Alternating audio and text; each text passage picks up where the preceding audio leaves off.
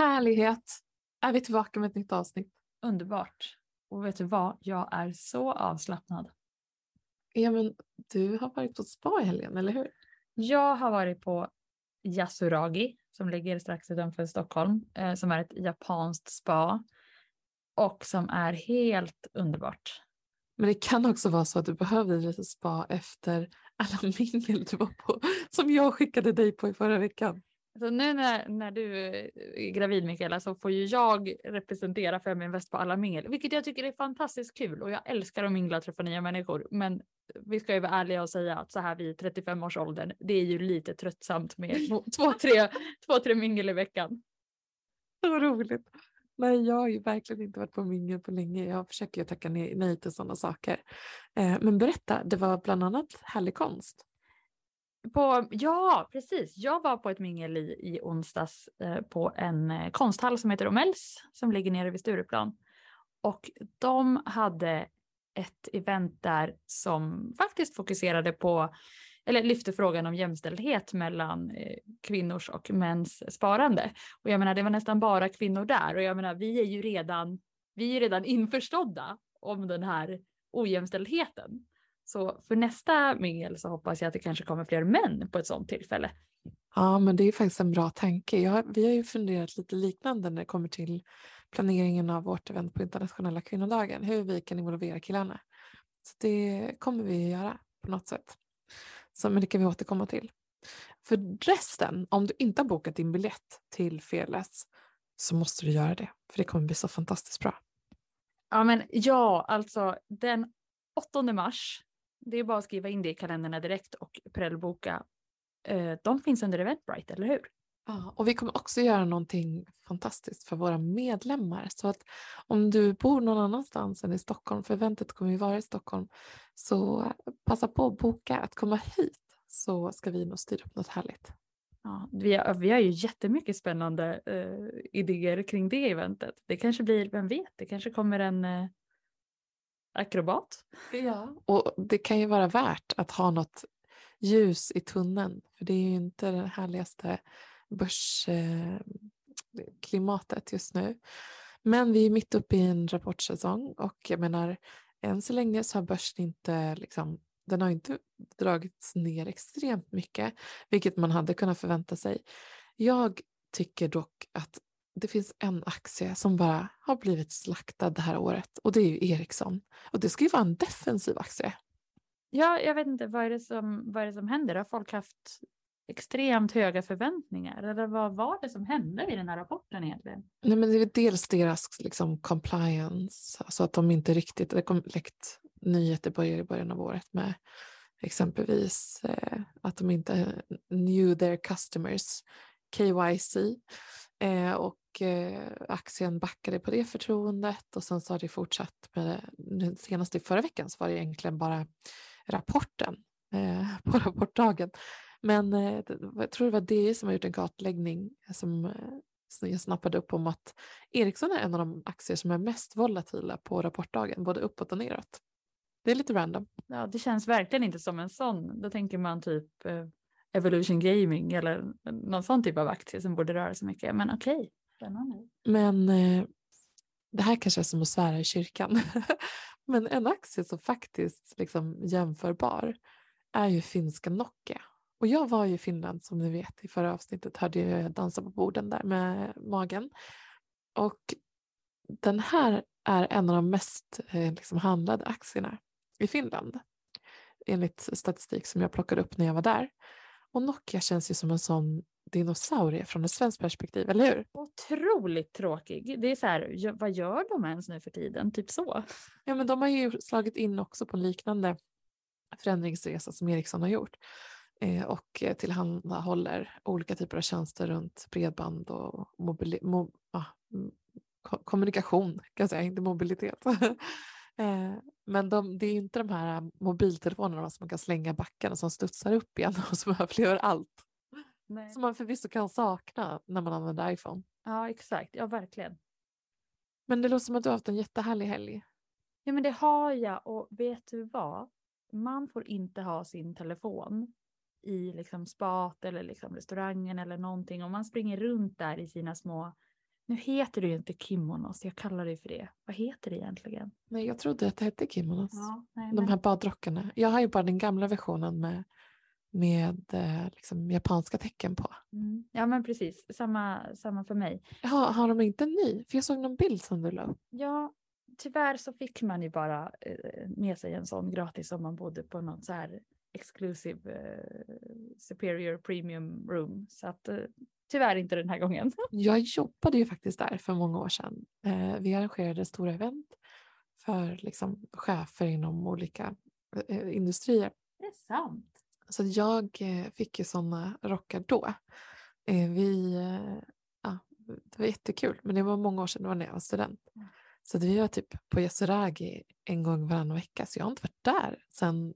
För det var liksom så förknippat med jobb. Ja, jag förstår. Men nu är det ju också, sen jag var där sist för kanske fem sex år sedan, så har de ju gjort om jättemycket, verkligen byggt ut. Det är superfräscht. Men just tillbaka till det här med att inte få ha telefonen. Jag trodde det skulle bli lite jobbigt, men det var faktiskt jätteskönt. Så det var därför du inte fick några jobbmejl under helgen av mig, Mikaela. Ja, men det är helt rätt. Men hörni, vi går in i veckans intervju tänker jag.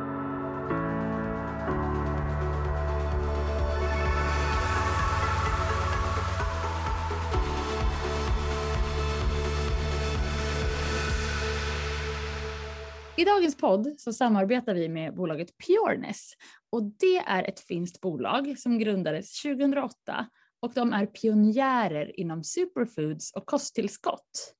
Och Pureness strävar efter bästa kvalitet på sina produkter, både när det gäller ursprungsland och de specifika råämnena som man använder, samt också mycket fokus på hur de odlas och produceras.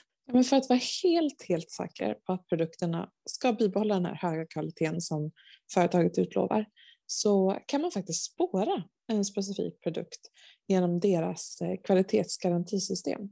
Man kan läsa mer om det här på Pureness hemsida om man är nyfiken på det. Och jag vet inte hur du känner Mikaela, men jag brukar alltid fylla på med extra vitaminer eh, så här års för att jag kan känna mig lite trött när hösten faller på. Hur känner du? Jo men absolut. Det finns några standardprodukter som jag alltid brukar fylla på på hösten också. Och en produkt som Pureness har som jag verkligen gillar är deras grönpulverblandning. Och den innehåller bland annat spirulina, brännässla och vetegroddar. Och det är helt perfekt att blanda ner i en smoothie för att få lite extra näringsämnen, vitaminer, mineraler och antioxidanter. Men sen är det också viktigt att fylla på med magnesium och framförallt när man tränar. Och där har Pureness en toppenprodukt som heter Triple Magnesium. Och den innehåller tre olika sorters magnesium och alla de här är av bästa kvalitet. Det är nämligen magnesiummalat, magnesiumglycinat och magnesiumtaurat. Magnesium Eh, tar man också för, att, för musklerna, skelettet och nervsystemets skull. Och den här produkten är dessutom snäll för magen. Men jag vet, jag vet inte om du visste det, men det är faktiskt också jättebra när man är gravid.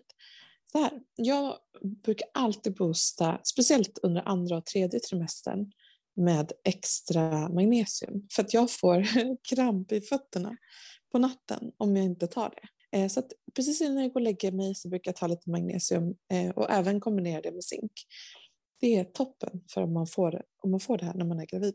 Det tar bort den här äh, krampen. Eh, så det är superbra. Ni som har följt mig länge också vet att jag tycker om mjölksyrebakterier. Jag har verkligen anammat det här att 70 procent av immunförsvarets celler finns i tarmen. Jag tror jättemycket på det och har ätit det här under många år. Bakteriebalansen är ju superviktig för hela kroppens välbefinnande och det kan ge sig uttryck i liksom huden, i eh, matsmältningen, ja men så på så många olika sätt.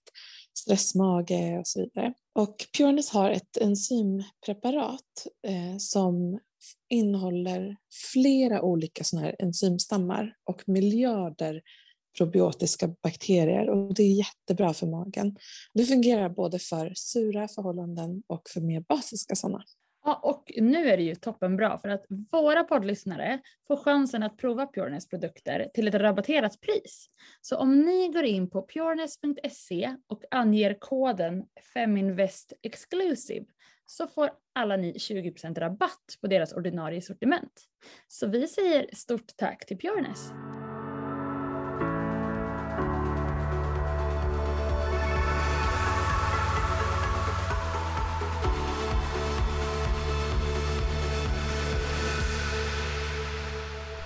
Men, alltså, du hade lagt ut en story på Instagram. Mm. Precis. Mm. Varför är det inte fler kvinnor som startar eget?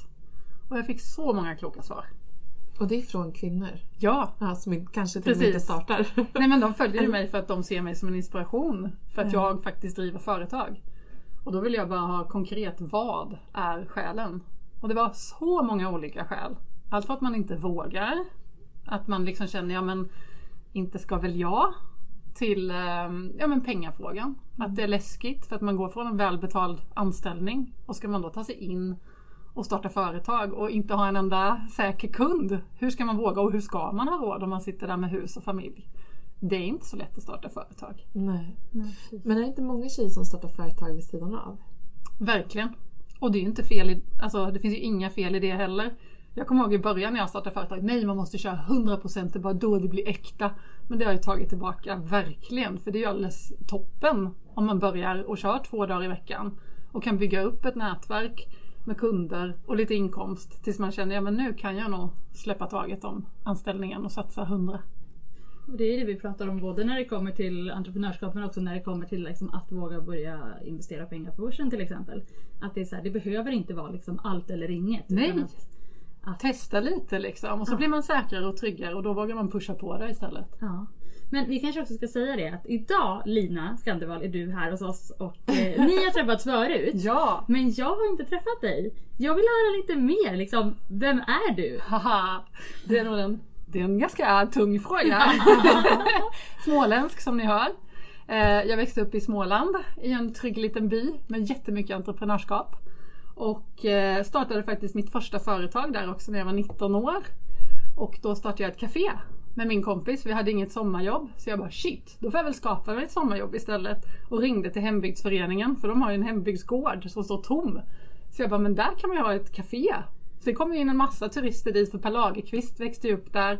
Så tänkte jag vi måste ju edga det lite också så jag bara vi ska sjunga också. Alltså, så Ja precis som en tidig variant av Wallmans. Liksom. Ja. Så vi, man fick välja, man fick välja liksom, eh, typ kanelbulle och en småländsk sång då. Och det var en sån här liksom röd Rött hus med vita knutar. Och så ringde jag såklart Smålandsposten också. Bara, Hej! Vi har startat café, kom hit! Och de bara ja vi kommer! Det var andra dagen vi hade öppet, vi hade ju inte en gäst där. Så vi ringde ju dit alla våra släktingar. Men ni får inte säga vad ni heter i efternamn för då kommer vi bli avslöjade. Liksom. Men sen kom det ju folk hela sommaren. Vi hade så mycket att göra. Så då startade jag mitt företag utan att fatta att jag drev företag. För att ingen i min familj drev företag. Så jag fattade ju inte det. Det fanns inte UF då, när jag var 19 liksom. Så vi drev ju det här kolsvart utan att fatta det själva. Men det visar ju liksom också, det var ingen som pushade mig sen heller, bara kolla entreprenörskapet här liksom. Utan eh, det tog ju först till jag var 26 år och hade flyttat till Norrköping och pluggade och började skriva lite vid sidan av för jag älskar att göra tidningar, det är min dröm. Men det var ju så hård, hård business liksom. Så jag bara, nej mediebranschen där är det bara vassa armbågar så där tänker inte jag satsa. Så jag blev ju miljövetare istället. Intressant nu tycker jag att jobba med men då var det väldigt tufft. Så att eh, det slutade ju med att jag frilansade lite vid sidan av bara och skrev krönikor och sånt. Och eh, min första publicerade krönika blev om, en, eh, om manliga gynekologer. Ah. Och så skulle vi publicera, bara, men ni kan inte skriva under med mitt namn liksom. För då outar jag min gynekolog. Så mitt första publicerade alster är skrivet av Miss Piggy. Och, eh, men sen då fick jag ju fortsätta jobba där och tyckte det var så roligt med tidningar. Så får jag lång historia kort så Var slutade det också det en lokaltidning? Ja det Så var att en sån så liksom, typ som en Nöjesguiden fast i där. Norrköping. Ja. Ja. Så då kom man också lite Ja. nära gynekologen. Ja, det kan man lugnt säga. Så jag bara, det här går inte för då kommer jag aldrig kunna gå tillbaka dit. Det vågade jag inte ändå kan jag säga. Jag bytte sen. Så du, du är Ja. både liksom eh, entreprenöriell och du ehm, kan baka. Men Ja. du gillar också att resa. Jättemycket. Och sjunga. Ja, och sjunga. sjunga. Precis. Det är en sorg för sjunga och resa går inte ihop. Liksom. Jag har sjungit i operakör hela mitt liv nästan. Eller i alla fall sedan jag flyttade till Norrköping så sjöng vi med symfoniorkestern. Men ska man resa, då kan man inte vara med på alla övningar. Så det fick jag lägga ner. Det är synd. Men annars har det varit med mig också. Som en härlig break från allt det andra. Liksom. Men när du är ute och reser då, vilken typ av resmål är du på? Och är det liksom, får du in, se till att få in mycket kultur i? Ja, ja, men kanske mer mat. Jag är ju matfantast också. Nej men det var väl en del det när jag väl startade företag sen och eh, satsade på magasin framförallt. Så um, har jag alltid drömt om att få resa mycket också i jobbet gärna. För det är smart. Jag tänkte bli flygvärdinna ett tag men eh, det blev jag inte. Eh, och det var nog klokt. Utan det var mycket roligare att vara resejournalist såklart. Men det var ju, jag började göra magasin och jag gjorde ett magasin i Norrköping som ägdes av kommunen och näringslivet ihop. Och eh, så jag har ju en eh, flygplats där och så skulle de börja starta med resor till Tunisien och frågade om jag ville följa med. Jag bara ja, gärna. Och så jag bara, allt är ju gratis, det här är ju svinbra liksom, det här vill jag göra mer av. Så jag bara, vad kan man åka från Norrköping? Man kan åka till Riga, man kan åka hit och så började jag liksom göra resereportage och byggde upp ett jättenätverk och sen slutade det med att det blev en ganska stor guldkant liksom för att jag började resa för en, och började jobba med en massa olika tidningar. Jag startade ett eget resemagasin, jag har varit med i lokal-tv och haft eget tv-program och pratat i radio. Så det har blivit jättestor del tills Corona kom. Så då fick jag ju såklart eh, byta bana. Och, Men eh, du fortsätter resa men lite till ödsligare platser. Ja men så är det. Ja men alltså grejen är att jag har ju fått ett hållbarhetstänket finns väldigt starkt och har alltid gjort i mig. Jag älskar natur, jag älskar mat, jag älskar hållbar mat. Eh, och jag har också sett, ju mer jag har varit utomlands, liksom hur mycket potential Sverige har i det här. Och vi har liksom inte lyft det här tillräckligt tycker jag. Det kliar i mig så fort jag är ute på svenska destinationer. Gud vad mycket som finns att göra här. Så jag har börjat jobba mycket mer med sådana frågor. Så jag har varit, eh, hela våren har jag jobbat tillsammans med Sustainable Place som är en satsning på hållbar mat eh, på Gotland. Så att jag har varit runt och hjälpt dem att konceptutveckla och haft dit också Forbes kom dit nu och gjorde reportage. Så jag hjälpte dem hela vägen där och eh, åkte runt och visade Gotland. De var superimponerade. Så, och så har det blivit så med massa olika destinationer nu. Så att det är väldigt roligt för jag vill att vi ska lyfta standarden lite till så vi kan ta emot mer internationella turister. Och vinka lite starkare med våra, jämfört med våra grannländer mot vad vi gör idag. Liksom. Norge syns väldigt tydligt men Sverige Ja, har det känns som att jättemycket. Norge är starkt positionerat. Men det kan vi Finland säga, det kan vi tacka regeringen. Ja, Eh, vi det har inga så. pengar, vi har inga pengar att jobba med det. Så att det jobbar jag också mycket för. Att besöksnäringen ska få en mycket större kraft i Sverige. För det Så de har är större business. i Norge? Det vill jag lova. det är jättestor skillnad. För vi pratar om att besöksnäring är en basnäring men inte om vi tittar på budgeten. Mm, Man pratar ju ofta att norrmän är mycket mer patriotiska. Ja. Det är bara ytterligare ett tecken på det. Exakt, exakt. Och vi borde bli det mer. Det behöver vi i Sverige. Mm. Det är Så bra det för är- businessen. Ja, gud ja. Verkligen. Ja, och besöksnäringen är ju en jätteintressant näring. Med tanke på instegsjobb och mycket på landsbygden. Mycket småföretag. Mm. Men parallellt då med att resa runt och upptäcka och dela med dig och eh, av liksom det fantastiska som världen har att erbjuda så är du också expert inom liksom, företagande mot den kvinnliga målgruppen eh, för företagarna. Mm. Precis. Och eh, har ju följt det här området under en tid. Mm. Kan inte du berätta liksom, ditt perspektiv på vad som har hänt under den här tiden som du har varit involverad? Ja men verkligen. Alltså jag började jobba med det för snart fyra år sedan. Eh, så jag jobbar ju på Analysopinion, heter det på Företagarna. På huvudkontoret och där sitter vi en massa experter. Så det är allt från skatteexperter till arbetsrätt till regelförenkling. Liksom. Så vi jobbar ju mot politiken och bygger opinion är ju planen. Eller det gör vi eh, väldigt tydligt. Och eh, då började jag jobba mycket mer med kvinnors företagande för att eh, jag kände att vi jobbar för lite med frågan. Generellt gör vi ju det i Sverige tycker jag. Ehm, och eh, jag tycker att det har hänt mycket de sista åren. Inte statistikmässigt tyvärr, men att frågan har blivit mer relevant för väldigt många företag. Stora banker börjar prata om det, advokatbyråer. Alltså jag blir inbjuden väldigt ofta för att prata om frågan, även hos politiker. Så jag upplever att frågan har blivit mycket mer relevant. Sen har det inte hänt så mycket. Eh, Så där har vi en lång väg kvar. För hur såg man liksom på frågan säg för jättelänge sedan, säg 20 år sedan? Alltså det har ju varit en fråga länge. Jag har pratat med många som har jobbat framförallt kanske med jämställda styrelser eller i alla fall mångfald i styrelser. Eh, och de säger att alltså, det är samma fråga nu som då. Varför händer ingenting? Och det är ju en jättekomplex fråga att svara på. Och vi har ju inga tydliga svar där. Men det vi ser i statistiken är ju att det är fler unga tjejer som startar företag nu än tidigare. Sen är det ju ungefär samma, samma statistik som då. Tyvärr, liksom, om vi tittar. Det är ju typ 27 procent av alla kvinnor som har AB som eh, är kvinnor idag. Det, eller som driver företag. Och det är ju sjukt lite. Och vad är det som gör att de här unga tjejerna då tar steget? Ja men dels tror jag att vi pratar om företagande mycket mer idag. Det finns mycket mer förebilder. Vi ser liksom tjejer som tar sig ut på börsen. Det finns fler förebilder generellt och det, är närmare till företagandet tror jag. Jag brukar säga att företagande är smittsamt. Att eh, har man det nära sig så är det mycket enklare att ta steget själv. Och jobbar du med det i skolan i form av UF till exempel, då är det ju mycket enklare att starta sen. Så där tror jag vi har en stark, eh, starkt skäl till varför det är fler unga tjejer. Men jag märker det, att många frågar mig till exempel hur, om jag ska starta, hur ska jag starta, vilken typ av bolag? Mm. Så, så, här, och så pratar man liksom enskild firma versus aktiebolag och Mm. vilket kapital som behövs. Och det har också kommit ner lite, vilket kanske har gjort det lite mer lättillgängligt. Att Absolut. kunna starta ett AB till exempel. Men är det fortfarande så att tjejer startar enskilda firmor? Ja, det är ju fler som har enskild firma.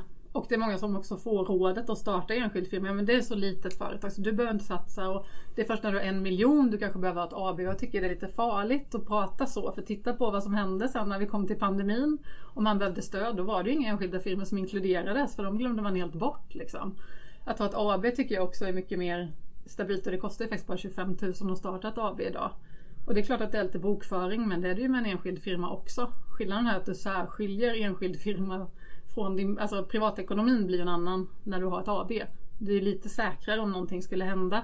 Och plus att du är anställd i ditt bolag så då kan du ju dra av massage och allting sånt helt plötsligt. Det är också jättebra.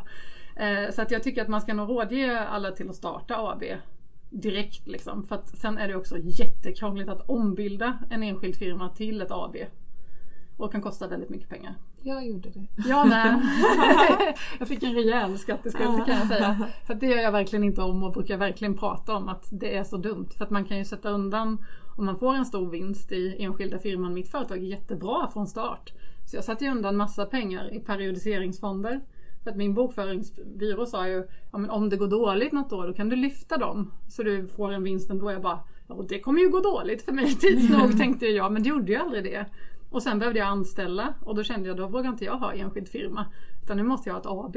Och då var jag tvungen att lyfta ut alla de här periodiseringsfonder och skatta dem. Så jag fick ju 300 000 i personlig skatteskuld helt plötsligt. Det är inget kul. Nej. Så att, eh, men det kämpade jag mig igenom på ett år och bara nu tar jag ett år och kommer på grön kvist igen. Liksom. Men så det är så dumt. Och sen gäller det att ha en bra bokföringsfirma såklart. För då hade inte det här hänt. Nej, men man behöver, liksom, man behöver nästan så här skatterådgivare. Det, Ja! Desto mer man gör, desto mer Verkligen. expertis inser man vad man behöver. Ja, ja men så är det.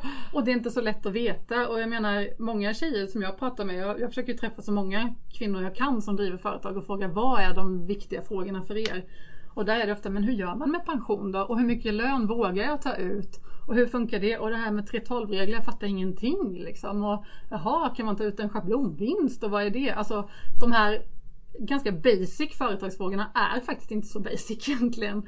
Man behöver få hjälp med det och man behöver prata om det mycket mer för det är inte så, man vågar inte ställa de frågorna för då känner man sig kanske lite dum. Mm. Så jag tycker att det ska finnas mycket mer forum där man pratar om de här basfrågorna i företagande för det där ska man liksom bara hitta själv och bara veta men det gör man inte. Det är som investeringar.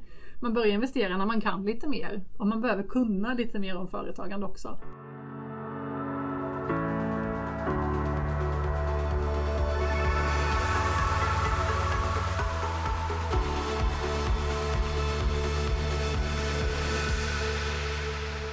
Men hur tänker du runt ditt egna företagande då? Oj! Nej men alltså jag har ju haft anställda och jag har varit med i offentliga upphandlingar och verkligen satsat framåt att det här ska byggas, det här ska bli stort. Men sen har jag också haft min extrema frihetslängtan. Och velat resa väldigt mycket. Och då är det rätt jobbigt om du har två anställda som sitter där och bara, "Ha, vad ska vi göra nu? Bara, fast nu vill jag vara iväg och resa i två veckor liksom. Vad fan ska jag ta hand om er också? Ja men lite så är det ju om man ska vara ärlig. Eh, och då måste jag se till att de har att göra. Sen har jag alltid sett till att ha väldigt bra och självgående anställda som där jag har sagt, ja men ni ska skriva de här artiklarna innan nästa fredag. Var här och nu när ni gör dem liksom. Det bryr inte jag mig om, bara jag är nöjd och kunden är nöjd. Så jag har haft väldigt lojala anställda tack vare det. För att jag känner att frihet älskar jag och det vill jag ge mina anställda också för det är liksom min företagskultur. Ehm, men eh, det är ju också liksom, sen måste de, är de sjuka. Och då sitter jag med dubbelt så mycket jobb helt plötsligt för vem annars ska ta deras jobb när de är sjuka. Så att jag har ju valt att jobba mycket mer i nätverk istället. För jag kände att jag, jag vill inte ta det här för att det är inte min grej att bli så stor och ha så många anställda. Utan jag vill mycket hellre jobba i nätverk så jag tar ju alltid in egenföretagare istället och jobbar typ som att man är ett större företag. Men alla fakturerar åt sitt håll istället. För jag tycker det är mycket skönare och man är mycket lugnare över sommaren när du slipper betala ut alla pengar man har sparat i sommar, sommarlön innan pengarna kommer in igen liksom, under semestern. Så att eh, jag jobbar ju väldigt mycket så men jag ser ju verkligen eh, en eh, jag kommer ju aldrig sluta vara företagare. Mm. Jag är motvilligt anställd liksom, om jag måste vara det. Liksom. Jag är det två dagar i veckan på Företagarna. Och det var då sa jag, ja men det är jag bara om jag får behålla min frihet och de sa det, men det får man här liksom. För vi, de har, det är väldigt, väldigt kul att jobba där för man har väldigt mycket frihet och eget ansvar. Också skönt att vara förankrad i någonting Ja. som, där man får ny data till godo. Exakt! Alltså, ja, jag älskar det. Jag tycker om det så mycket mer än vad jag faktiskt trodde jag skulle göra. För vi har ju också en stor pressavdelning som kan hjälpa till att få ut budskap. Vi kan göra rapporter, vi kan samla in statistik. Vi har liksom smart statistiker som kan fixa allting. Liksom. Så att jag får ju ett jättefint underlag att kunna jobba vidare med mot politiker. Och eh, ut och föreläsa till Almi, alla möjliga. Jag har jättenära dialog med väldigt många olika organisationer där vi gemensamt pratar om utmaningar och, och vägar framåt. Ja, en eh, utmaning som, som vi vet och som vi pratar mycket om på Feminvest också är ju det här med liksom kapitalet som går så sällan till kvinnor. Ja.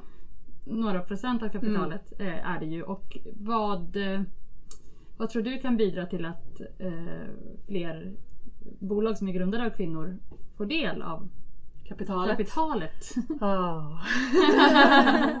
Nej men... Den där lilla eh, frågan. Ja exakt den där lilla frågan. Nej men det finns jättemycket att prata om här. Och inte minst, liksom, vi har gjort undersökningar, liksom, hur ska vi få fler kvinnor att växa? Och säger vi alltid att vi behöver finansiering. Och samtidigt ser vi att man är lite försiktig med att ta in externt kapital. För man vill inte ha så mycket skulder utan man vill att det ska växa organiskt. Så då måste man ju lära sig och ta in kapital kanske betydligt tidigare i skedet när man startar företag. Så jag tycker det är jättebra med mikrolån och allting sånt så att man, gör, man vänjer sig liksom vid att ta in kapital tidigt och hur det fungerar. Och eh, så man är van när man väl står där sen och ska pitcha. Så det tror jag är en del. Och sen tror jag också att investerare måste titta på fler ställen än att bara titta på de här extremt snabbväxande techbolagen. För där finns inte vi kvinnor på samma sätt. Där har vi ju verkligen statistik vilka branscher vi finns inom. Vår främsta bransch är hår och skönhet och frisörer. Och hur stor andel är det då? Det är eh, 78, nej, 72 procent tror jag. Av alla företag som 78 startas? procent ja, är kvinnor. Ja. Och då tycker jag, varför inte lyfta den branschen tydligare och göra den lite coolare? För vi har jättemånga bolag som växer och blir starka där också. Och det det, finns lätt. också bolag där som börjar skala på ett annat sätt. än- Exakt. Alltså om man tänker historiskt på, då hade man en liten lokal hårsalong, liksom så här, Maggans Mm. Ja. eh, klipp. Ja men kolla Creative Heads. De omsätter över 50 miljoner idag liksom. Vi har eh, Hairtalk också över 50 miljoner. Alltså det finns ju jättemånga i den här branschen. Så det kanske är läge att putsa undan att det bara ska vara techproduktion och det här, det typiskt manliga. Utan vi måste titta på var finns vi och i vilka branscher finns vi? Och vi är inte dumma i huvudet och kan verkligen skapa coola företag där med. Och tittar vi på hälsa och sjukvård så är det där den tredje största branschen där vi kvinnor finns. Snacka om att det är en intressant bransch liksom. Och investera vidare i. Så jag tror mer, och där kan vi ju prata jättemycket om vinster i välfärd och den typen av frågor. Det kan vi göra mycket med politiker också. Hur viktigt det är att vi ska kunna driva företag i den branschen. För där finns det en enorm potential och inte minst inför framtiden. Vi behöver ju alla typer av idéer där för att rädda världen liksom vad gäller hälsa och sjukvård. Så att jag tycker att, och det här måste ju investeraren också få med sig. För jag tror att man kan tänka lite för traditionellt. Ja, ja men det är tech och det ska vara nästa Spotify, det ska vara det här liksom. Men det finns ju många branscher att titta på som är oerhört intressanta och som växer. Så att man ska liksom inte bara, ja hon är ju bara en frisör. Ja, och vilken fantastisk frisör som skaldelar och bygger fler salonger och satsar liksom. Och vilka branscher skulle, äh, växer då snabbt nu? Alltså frisör växer och hår och skönhet växer varje år. Mm. Så det var, jag tror det var 72 procent när vi gjorde den för två år sedan och 78 procent nu. Så det är ju många som startar där. Så där är det viktigt att lyfta den typen av branscher tycker jag mycket tydligare vad gäller förebilder också för att dunka in att vi finns på vi kanske inte just finns i tech och data och IT på samma sätt. Och jag menar ska vi gå in på, ja det behövs fler kvinnor där med, men då måste vi börja gå ner på småbarnsåren liksom. Hur ska vi välja? Och då ska vi välja natur och då ska man börja jobba. Alltså, det tar ju många år innan vi kan ändra den statistiken.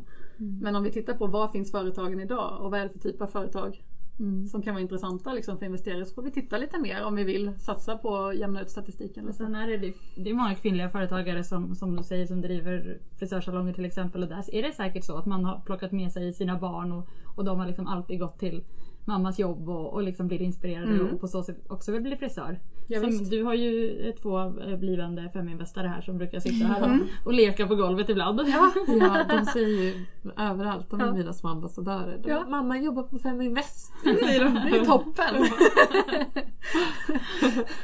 Eh, och också så här, det var lite roligt men min eh, kille han var inte, han var liksom inte ja, men helt chef tidigare. Så det var så här, om mamma bestämmer, hon är chef.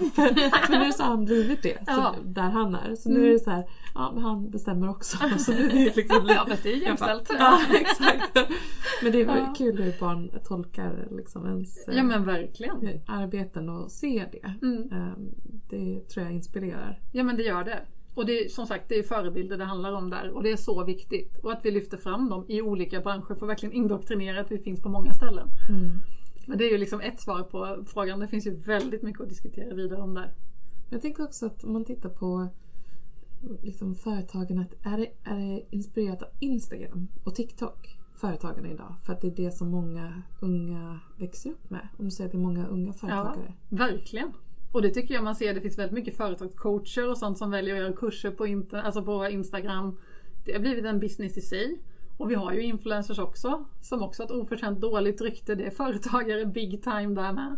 Så att det, det tycker jag verkligen att det syns jättemycket på sociala medier. Och jag tror det är där man fångar upp ganska många också. Framförallt tjejerna. För där har vi verkligen inspiration och förebilder. Mm, och många av oss spenderar tid där. I Ja, någon utsträckning. alldeles för mycket. Du är med på Twitter i och för sig, eller? Ja, Det är klokt. Ja absolut. Ja, ja. Det är spännande och eh, nej, men det är inte så många tjejer. Däremot är det lite kul att vi är tre stycken Twitter finansprofiler som heter Elin. Så där, det är liksom yes! Det är som Anders som och börs-VD. Exakt! Exakt. Precis. Nej, man får dra sitt strå till sta- Ja, stacken men där det man kan liksom. Verkligen. Mm. Ja men det är det. Och jag märker också det varje gång jag går ut och pratar om företagande på Instagram så märker jag hur mycket frågor jag får. För det är så många som sitter där och bara, jag borde, jag vill, men liksom det blir inte av. Så den är så himla viktig att fortsätta prata om det. Och många som bara, hur ska jag göra om jag ska starta? För att man vet inte det och man hittar inte den informationen. Och där tycker jag nog att vi, ja men alla som jobbar med företagande på något sätt, organisationer, ska ta till oss att det här måste man hitta jättelätt liksom. Lathund. Och jag brukar alltid säga till, för vi får ju mycket från politiker, men ni måste växa, ni måste anställa. Jag bara, men vad är våra lathundar då om vi Ja. anställer? Och vad finns, alltså sänk arbetsgivaravgiften då, underlätta för oss att verkligen kan ta in anställda, för det är skitläskigt att anställa. Ja, det är så läskigt. Ja, det är den största identitetskris ett företag går igenom. Ja men det är det. Den första Ja, anställda. exakt. För helt plötsligt tappar du friheten, du har ansvar för någon annan. Bara, Oj, nu ska de ha lön också och jag måste fixa så de har Ja. En inkomst. en bra liksom. chef och Ja, det är så mycket ja, liksom. och jag Skapa en menar- bra kultur och, och bidra till att de får växa. Och precis, och det är inte så att vi har färre regler bara för att man har en anställd. Vi har ju samma regler som om du hade haft 200 anställda. Så vi har ju gjort sådana där, liksom, vår VD har ju stått och läst liksom, alla regler som gäller om du har anställda. Det tar ju typ ett dygn. Mm. Och det ska jag ha koll på. Det finns nog ingen som är mer kriminell än de som anställer för vi vet ju inte alls om alla regler. Hur I ska wash man kunna hands. det? Exakt! Men, men jag förstår att det, att det kan kännas läskigt. Och jag tänker, jag tycker själv många boxar. Så jag startade mitt första företag när jag var föräldraledig. Eller jag startade ett företag i, i England innan, men i Sverige. Jag var Mm. föräldraledig. Mm. Eh, och eh, jag började med enskild firma. Alltså de här eh, boxarna som du nämner. Mm. Eh, men jag tänker ändå att jag ser ändå att många kvinnor vill skala, vill tänka stort. Men det finns inte riktigt, man har inte riktigt kunskapen runt vad som är stort ens. Alltså jag satt med en entreprenör förra veckan, fantastiskt duktig. Mm. Liksom. Eh, och jag bara, men om, om du vill ta in investeringar så vill jag se liksom finansiella prognosen för några år och se en tydlig tillväxt. Eh, och det var liksom så här, ja, från en till tre till sju miljoner så. Mm. Eh, och det är inte alls tillräckligt för om man ska ta in riskkapital. Men för henne så är det jättestort. Exakt. Så det krävs också att man har någon, en good guy Mm. på något sätt som man kan lita på för att reda i vad är det jag behöver för att växa och hur vill jag att det ska växa. Exakt, och den är jättesvår. Så där tycker jag vi ska ha, och kanske att vi också, framförallt kvinnor som driver företag som har gått upp och som har lärt sig hur det är att ta in riskkapital, att man skapar någon typ av mentorskapsgrupp så att man verkligen kan bolla behind closed doors. Liksom. Men tänk på det här och det här är smart taktik. Liksom. Man behöver nästan det för att just att förstå hur mycket ett bolag ska värderas, det är ju jättesvårt. Men du måste ju som sagt, ska du attrahera riskkapital, då måste du stå där och verkligen trycka på den stora knappen och säga att jag ska ta över världen och det är inte alltid så himla lätt att, att göra det. För jag, jag har ju pratat med en tjej som tog in en massa riskkapital nu och hon sa bara det var nog den största lärdomen liksom att jag får typ stå där och bara ah, jag, kommer, vi- alltså, jag kommer rädda världen och hon bara jag vill ju hellre överraska med att liksom överleverera. Jag vill inte stå där och sälja in något som jag kanske inte kan hålla. Men hon har ju också, jag älskar det citatet för hon sa bara och så snackar vi liksom med, med att vi inte vågar ta risk liksom. Nej, vi är riskmedvetna och hur bra är inte det liksom? Jag kommer ju ta hand om ert kapital. Det är ju skitbra. Mm. Och speciellt Och i hon fick ju tider. sitt kapital. Ja men exakt. Vem vill ha någon som bara kastar iväg pengarna liksom och kör lite för snabbt och inte tänker igenom. Hon bara, jag kommer vårda era pengar och se till att de hamnar på rätt plats. Det är väl jättebra. Och de bara, ja det är helt sant. Ja, verkligen. Ja, så det är coolt. Men om man då skulle liksom fokusera på så här, vad, vad vi kan göra för att förändra. Mm. Våga satsa, våga starta. Vad skulle du, vilka råd skulle du vilja skicka med? Om man ska starta företag just. Mm. Ja men prata med en företagare skulle vara mitt första råd. Prata med någon som har gjort resan. För du får så mycket annan typ av information än om du Alltså Nyföretagarcentrum och alla sådana i all ära liksom. Men det att få någon företagare av kött och blod och verkligen prata med att så här gör man liksom och så här fyller man i blanketter och bara få den här starten. Och sen liksom bara få höra hur gör man för att hitta sin första kund. Den är också jätteviktig. Och eh, också tycker jag är jätteviktigt när man startar företag att man måste inte bara göra en sak. För det är väldigt lätt att man tänker det. Och visst, ska du göra en resa, skaldela och allting, då kanske du måste fokusera på mer. Men alla väljer inte den vägen. Titta på mig, liksom. jag är resejournalist, jag är moderator, jag jobbar som expert på kvinnors företagande, jag utvecklar destinationer, alltså jag är ju all over the place. Och det är ju den stora vinningen med företaget tycker jag, att det är min plattform för att jag är en uh, split personality som vill hålla på med tusen olika saker. Ja, och det är ju också helt fantastiskt för våra lyssnare och följare. För det är ju såna Ja. här typer av stories man vill höra om. Ja men precis. Eh, För jag tycker att företagande är unikt i sig. Liksom. Att eh, ha det som en plattform är så mycket värt och att jag tycker att våga starta ett företag och känna att man kan förverkliga så mycket med det. Det är det som är grejen. Sen kan det vara att man, jag kanske kommer komma på om något år bara shit jag ska jobba med det här och det kanske kommer bli skaldelat in time. I don't know. Men jag har ju den här plattformen att leka med hela tiden och det kan ta mig vart jag vill. Och det tycker jag är den stora vinsten med företagandet. Det är superkul att höra att du har så himla mycket olika saker för dig. Vad. Om du tänker, eller så här, hur långt, hur långt ser din målbild ut? Hur långt sträcker den sig? Och vad, vad ser du där framme på din Ja, jag, företagarresa? Ja, för jag brukar alltid tänka bara nej men jag har inte så mycket mål men det brukar alltid sambon påminna mig om. För att jag säger alltid bara men jag skulle nog vilja gå lite mer åt det här hållet. Han bara ja, fast du, du vet att nu är du där. Jag bara just det, nu har jag ju tagit det dit. Så att jag är nog mer strategisk och tänker mer liksom åt det hållet jag vill hela tiden. Liksom. Ehm, jag kommer ju aldrig sluta vara företagare. Jag är extremt eh, pro att vara liksom frihet, flexibilitet. Det är ju det som är hela min själ. Så det kommer aldrig försvinna men jag tror jag kommer gå ännu starkare mot eh, besöksnäring. Och alltså kvinnors företagande följer ju med i det oavsett. För att det är så många kvinnor inom besöksnäringen. Så att eh, det kommer jag aldrig liksom tappa men jag, min, min vision är verkligen att göra eh, Sverige till ett äkta turistland. Liksom. Med business i fokus och förstå att turism faktiskt är en väldigt stark eh, affärsgren. Liksom. Ja. Att det inte är en turistbroschyr utan det här är verkligen Verkligen. någonting vi kan utveckla.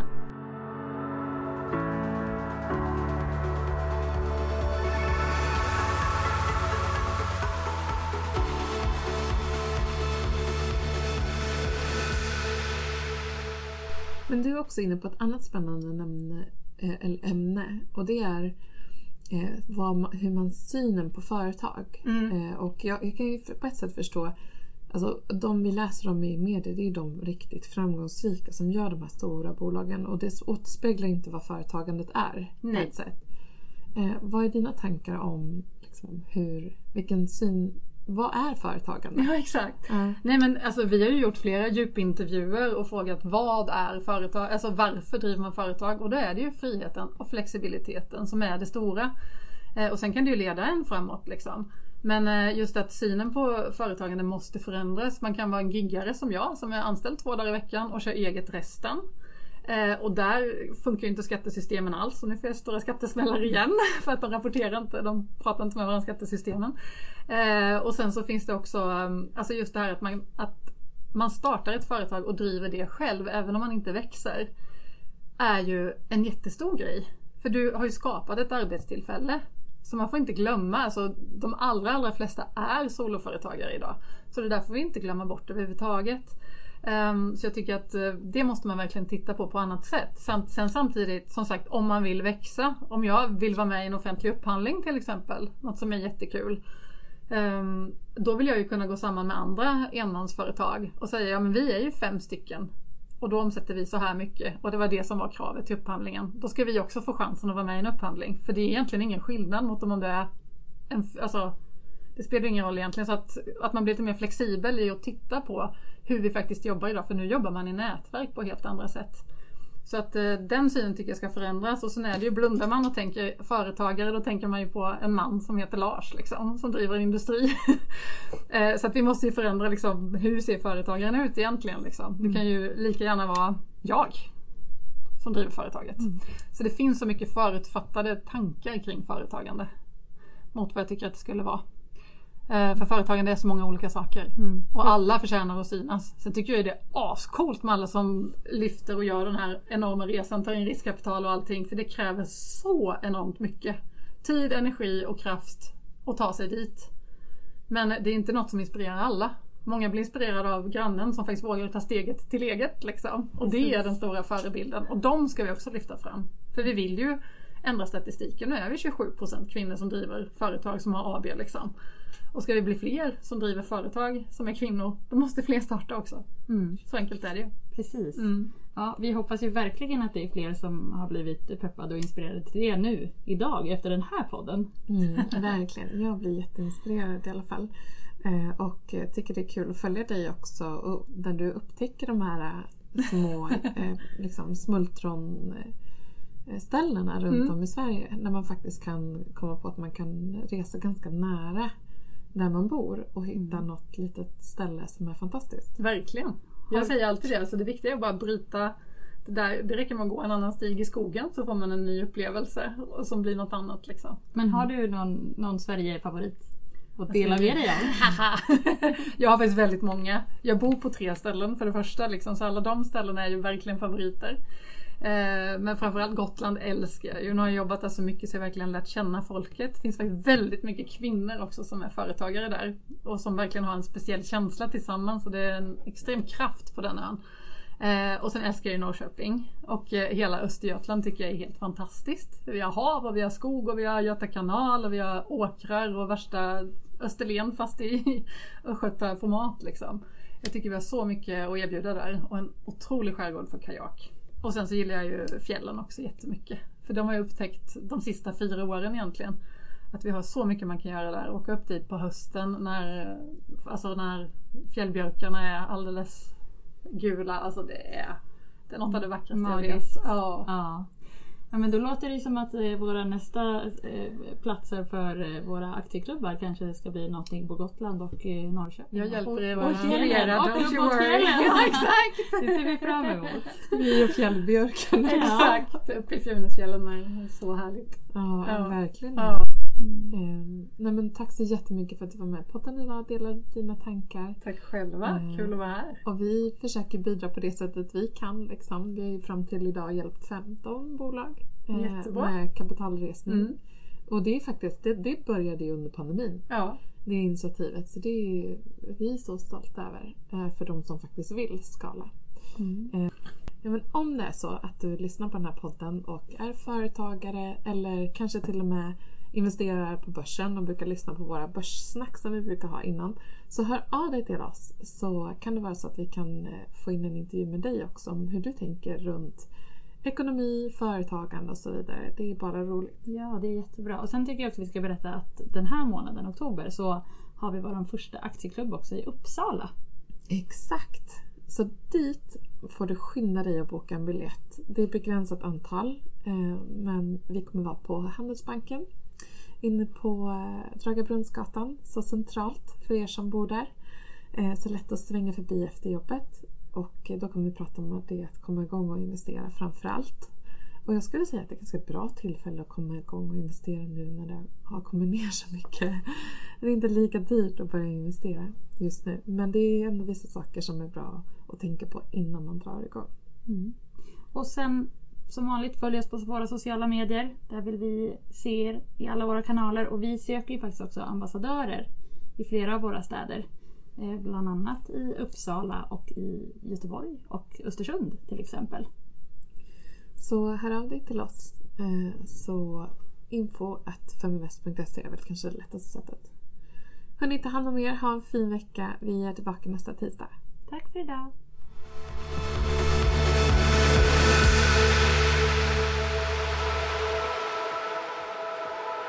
Feminvest är Sveriges största investeringsnätverk för tjejer. Vi vill att allt fler ska våga äga och förvalta. Och hur gör vi då detta? Jo, vi vill inspirera, utbilda och utmana runt ägande, investeringar och entreprenörskap. Följ Feminvest på våra kanaler Facebook, Instagram, Youtube. Varje vecka så kommer vi även ut med en podd och du kan ju självklart även följa nyheterna som publiceras på feminvest.nu. Det är bara att söka på Feminvest på samtliga kanaler så hittar du till oss.